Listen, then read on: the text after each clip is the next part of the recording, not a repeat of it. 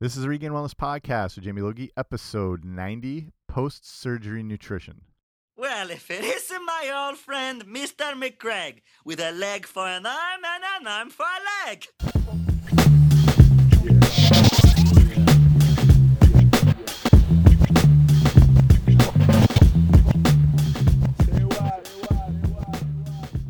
Hey guys, what's happening? Welcome back to the show. I'm Jamie Logie. I run regainedwellness.com, and this is the Regained Wellness Podcast. And thank you for listening here today. So, if you listen usually to the show, uh, I have them up usually every week.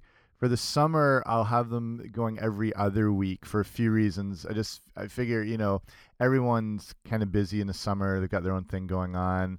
Um, you know, having if you do listen to the show regularly, it kind of gives uh, it a break. Just you know, listening here and there. I make the shows not as longer now, so they'll be easier to easier to consume. And then also, if you're listening to this right now, I'm currently in the states where in the summers I work as the fitness director for uh, kids sports summer camp in northern Connecticut.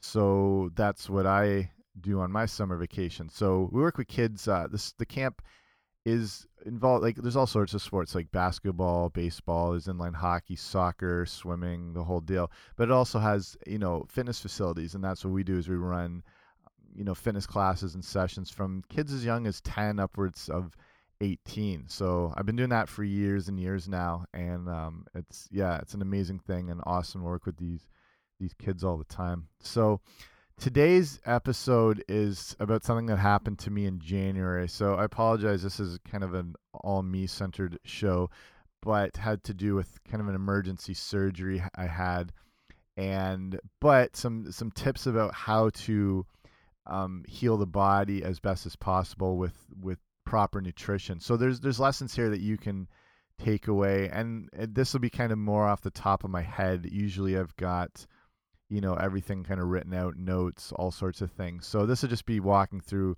what happened which was kind of a freak thing but then at the same time um, the power nutrition and using it to bounce back and heal really quick and hopefully some things you can take away from it. Okay so here we go.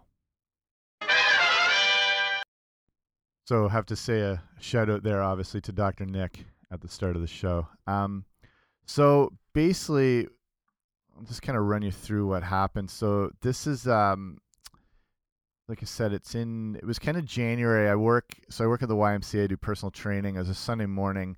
And late like lately I'd been feeling pretty good fitness wise. Like I'd been getting to into some more Olympic lifting and feeling like as strong as I had in a long time. And playing hockey with um uh, I was probably the, one of the older guys in my team by about 10 years, but still, again, feeling like as good as I had in a long while. But it's basically around, it was almost exactly 12 noon, and I started feeling this weird stomach cramp. And I'd had breakfast, but it had been a little while, so I thought it might have been related to, you know, hunger sometimes. So I went down into our break room where I had this breakfast bowl thing I made that's got like some oats and nuts and berries and things like that. So I was hoping to make me feel back, feel all right, but I go upstairs and it was getting worse. So it's I don't know. I w- I'm not far from superhuman, but it takes a lot for me to not be able to work. I don't think I've ever missed a day of work in my life from sickness. I figure as you know, I've definitely not been 100%, but um, you just kind of make do. I figure as long as I can stand up, I can be somewhat productive. So it was around then one o'clock, and I really felt like I had to get out of there. Something was wrong. I was supposed to be done around I think three, but I just told the people I was like, something's not right, and I pr- I'm pretty sure I gotta leave. so I'm driving home, and the pain in my stomach was getting worse, and it, it felt different than any other like you know stomach discomfort or flu or anything like that. So I had the feeling it would be better if I threw up.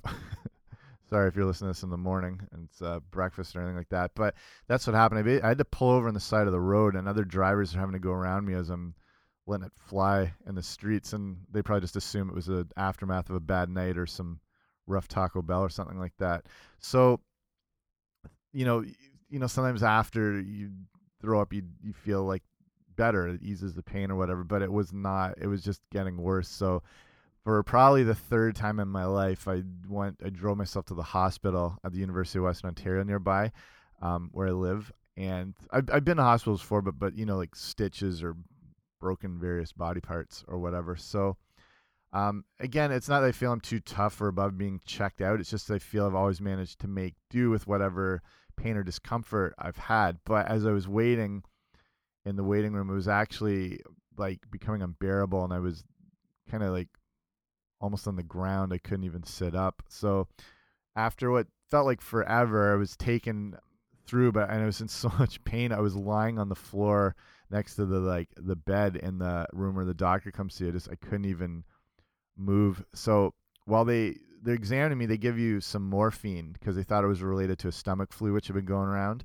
in the area. And so obviously on morphine, you're going to feel pretty okay. So they told me to keep an eye on it and then sent me home. So at this point, I'd been, you know, not in touch with whoever for quite a while. So people wondering what the hell was up. Um, so I staying with my parents. I got home. Um, shared what happened, just try to go to sleep. So again, I'm not feeling if I'm, you know, the morphine related or I'm not feeling too bad pain wise at this point. But of course, that wore off, and then the pain comes back like a ton of bricks, and felt it felt like I was being, felt like someone was running a javelin right through my midsection. Not that I've experienced what that feels like, but that's probably the closest I could explain. Um, so and again, like I basically almost like collapsed on the floor. I couldn't I couldn't even get up. Thankfully, I was able to be driven back to the hospital. Um, so in Canada, we have amazing health care.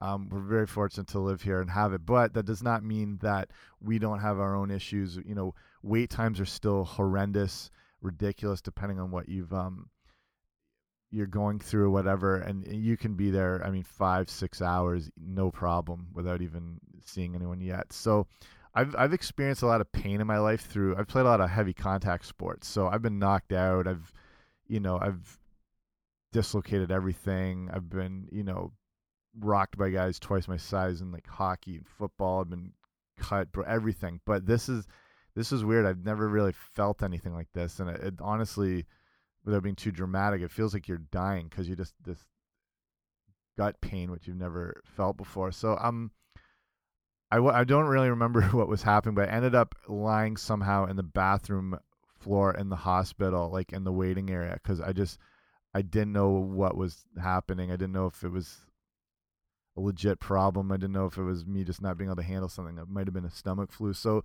they finally get me in and I had to be in a wheelchair for the first time in my life because I couldn't walk. So at this point, apparently, I was asking people to to knock me out because I couldn't handle the pain. I was like asking them to actually like someone hit me in the head to knock me out. Um, so not really remembering who I saw or talked to, but they were taking me in for a CAT scan to see what was up.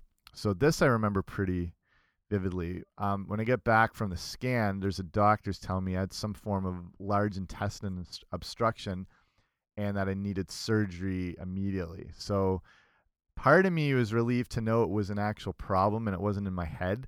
But then he started explaining if it became too worse, they would have to take out a large part of my colon and then I'd be looking at some real problems like now and and in the future like completely different potential you know life changes and stuff. So what had happened was part of my large intestine had built up some scar tissue um, basically just like a kind of a random birth defect that just decided to show up. So what was happening is was choking the organ and restricting blood flow. It was like it was you know twisted or something like there was a knot in it.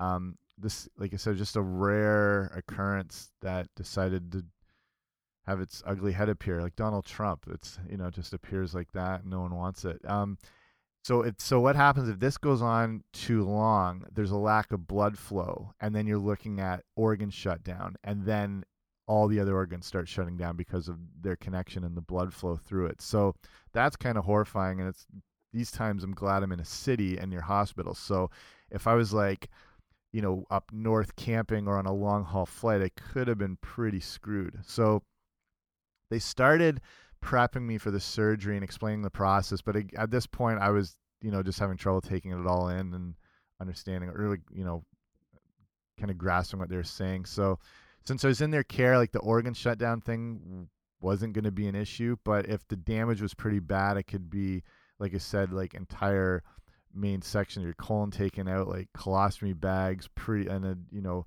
completely altered lifestyle. So before I know it, I'm being wheeled in for emergency surgery and um, looking up at an anesthesiologist.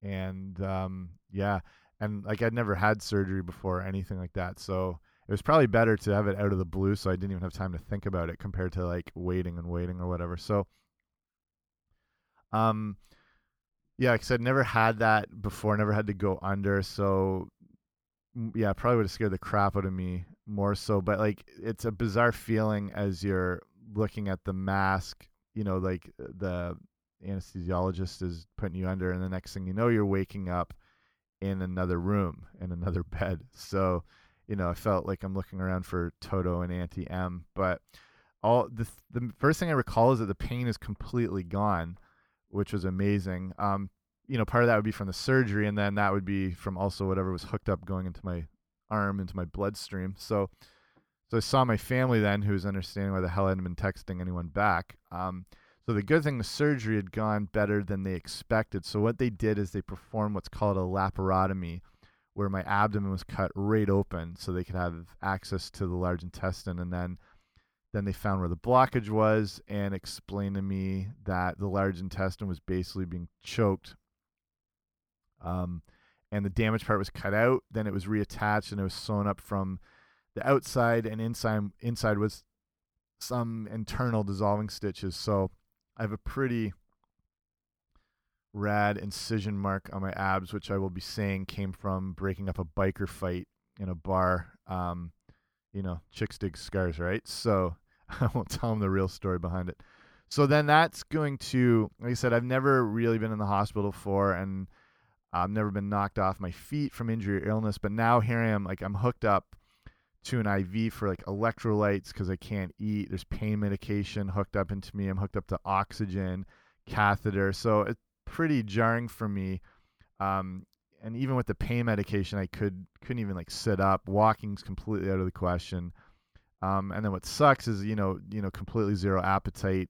Uh, there's no way even to really eat at this point. And if you've had hospital food before, it's probably better off for it. So after a few days, I was able to start moving around in the bed and um, felt okay to start standing up. So I'm kind of a I don't know if I'm stubborn or if I'm just kind of like I don't know, driven or whatever it is. I wanted to do more than seemed possible, so I started to like walk around the room. I'd walk around with that IV stand, um, and then began to sort of take walks down the hall and then around the floor and then around as much of the wing as I could. Um, it's like basically baby deer ish. If you've seen a baby deer trying to walk when it's first born, that's that's what I'm doing. So luckily I'm I'm probably in you know pretty decent shape, so I think that really helps my ability to recover. Um, it might be I might be a bit fitter than the average person, so that helps. I, I was supposed to be in the hospital for ten days, but I was able to leave after five, which was was kind of cool. But um, the the post operation instructions are a little different when you get home, so they were pretty surprised with my process of recovery, which is encouraging but following a, a laparotomy surgery, you can't touch anything over five pounds for at least eight weeks. So that's kind of tough in my line of work with personal training.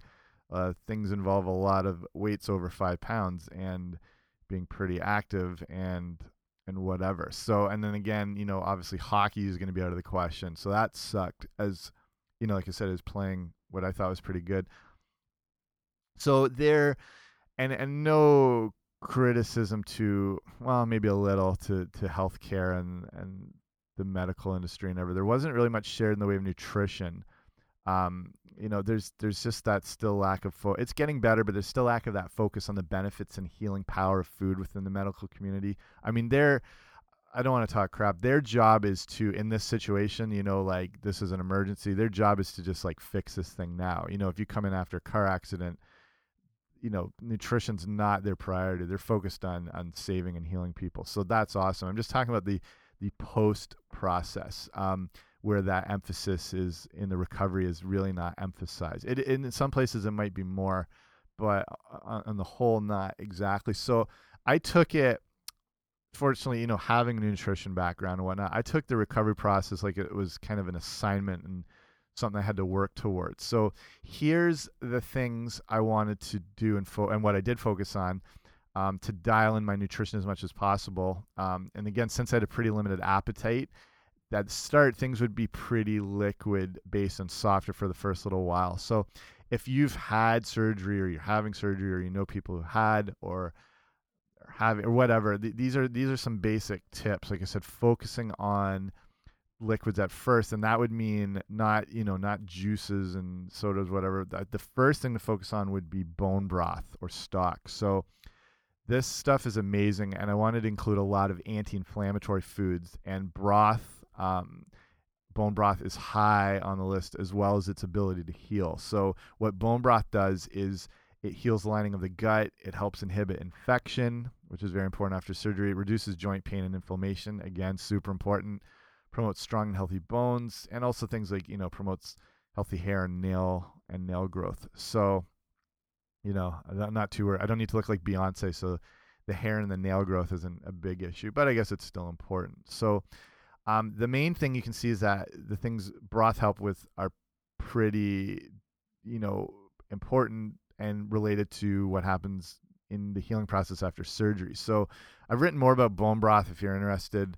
I'll link up. So on the show notes today, if you go to regainedwellness.com slash 090, 090, um, I'll link up stuff just sort of talking more about bone broth and you can learn how to make it. It's pretty easy. It takes a while, but it's it's very simple. Um, so I made sure to have things like some homemade soups on hand that had a base of broth and that included soups would be your best friend in any form of healing if you've had, you know, dental work or you can't eat for whatever reason and it's or you got to be liquid based soups are your best friend. So having other ingredients that promote healing um, like turmeric garlic all herbs and spices tomatoes themselves are very good. Um, some good greens like parsley and cilantro they're cleansing they're detoxifying. So i would make sure to have this a few times a day early on and was having it quite often so you know don't if you're on liquids, don't rely on you know apple juice and waters and bit of jello or whatever. Like this is where you want super rich, nutrient dense soups. Um, and these are things you could have all or should be having all the time anyway because of these regular health benefits. So next thing to focus on and what I did focus on would be protein. So when you're sick or injured or healing, your protein requirements are going to be higher than average. Protein it does a lot of things besides you know building muscle. It's important in creation of hormones and immune system function and it's involved in you know almost every process in the body and it carries hemoglobin through your body and it's it does everything.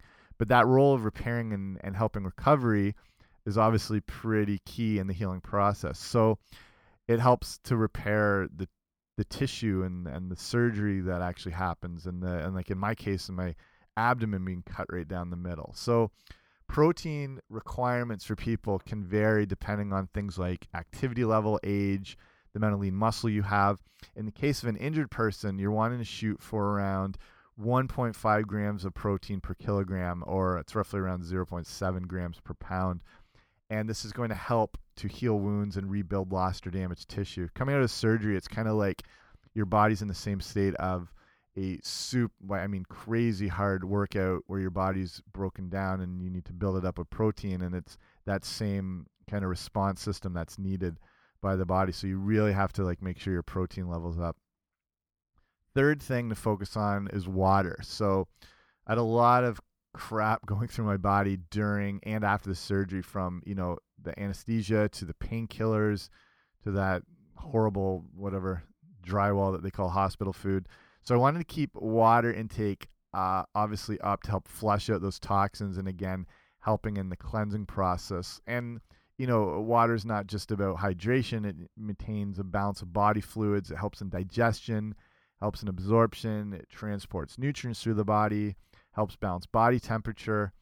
Um, and like I'm saying here in the post surgery case, it helps rid the body of toxins. So our body fluids help transport you know waste in and out of the cells and the kidneys do a great job of getting rid of toxins provided they get enough water so the best indicator to know if you're getting enough or not enough is your urine color and odor so you're going to be wanting to look for straw like color without any odor. Odor. If it's getting dark and strong smelling, it means you're you're looking at dehydration because your kidneys aren't—they're now trapping extra fluids to use for those critical critical body functions. And your body's been through this state of trauma um, it needs more water than ever before. So the rule of thumb here is to drink half your body weight in ounces each day. You should be doing this all the time anyway but especially if you're you know sick injured you know coming out of surgery or whatnot. So the fourth thing to focus on would be probiotics. So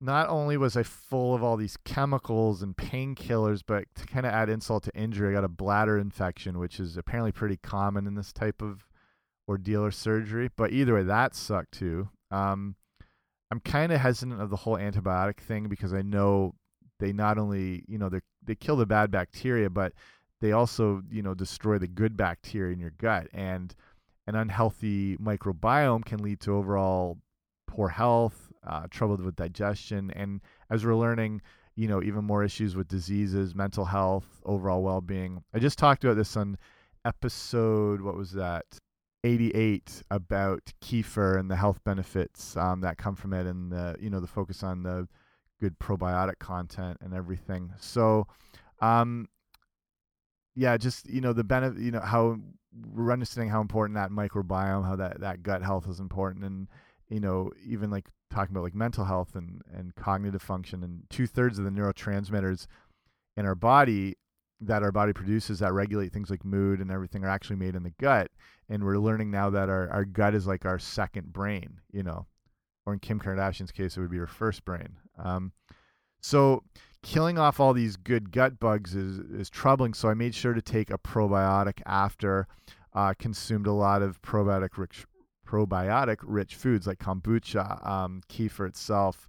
Um, yeah, things that just really enhance gut health. Other good probiotic probiotic foods would be pickled foods and sauerkraut, kimchi, things like that. So, um, yeah. So basically, where I'm at now, um, yeah, that that whole thing sucked. It was not pleasant to be able to not walk or barely even be able to sit up when you're used to not being restrained by anything like that. So, I you know thankful for my previous level of fitness that it got me up walking sooner than later, and I was out of the hospital in kind of half the time.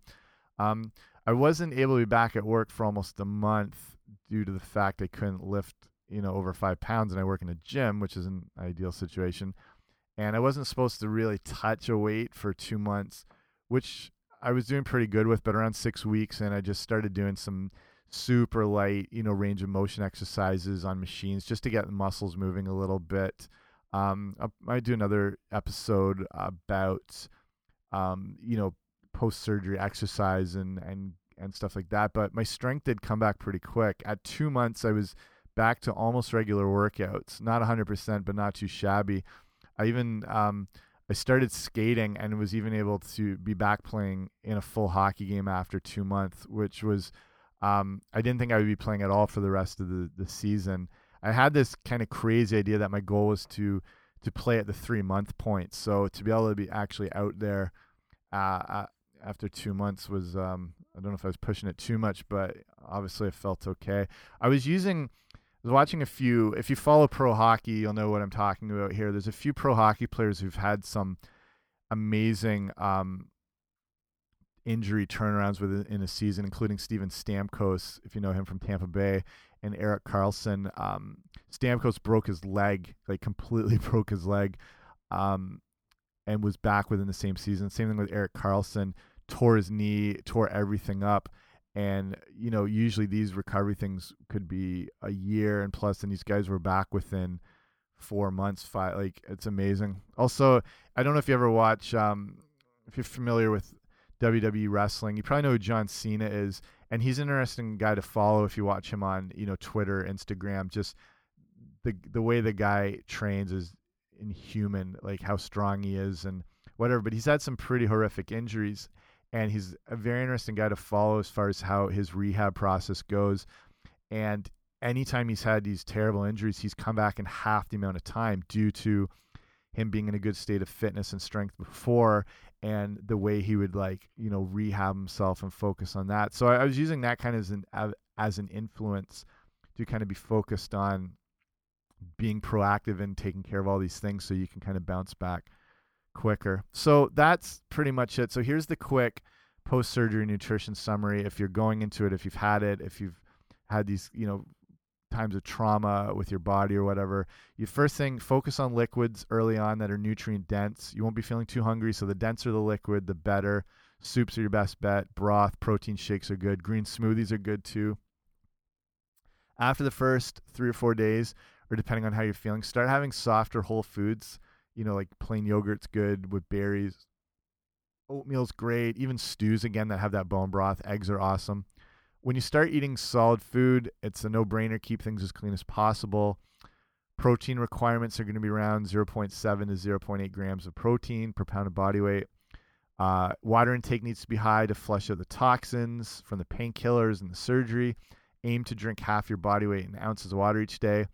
And then take a probiotic supplement to help counter the negative effects of the antibiotics if you are on them. And include probiotic rich foods like kombucha, kimchi, kefir, pickles, sauerkraut, all that sort of thing. So I'll cut it off there. If you had any more questions or things I can help with that's related to this sort of thing, um, feel free to email to info at regainedwellness.com and then I can see how I can help or anything like that. So that's it for me. Um, like I said, anything I was talking about today be regainedwellness.com slash 090. And like with this, like anything like that's recovery based, um, and in your day-to-day nutrition as well and in your own health pursuits you know you always want to focus on that idea of progress and not perfection okay see you next time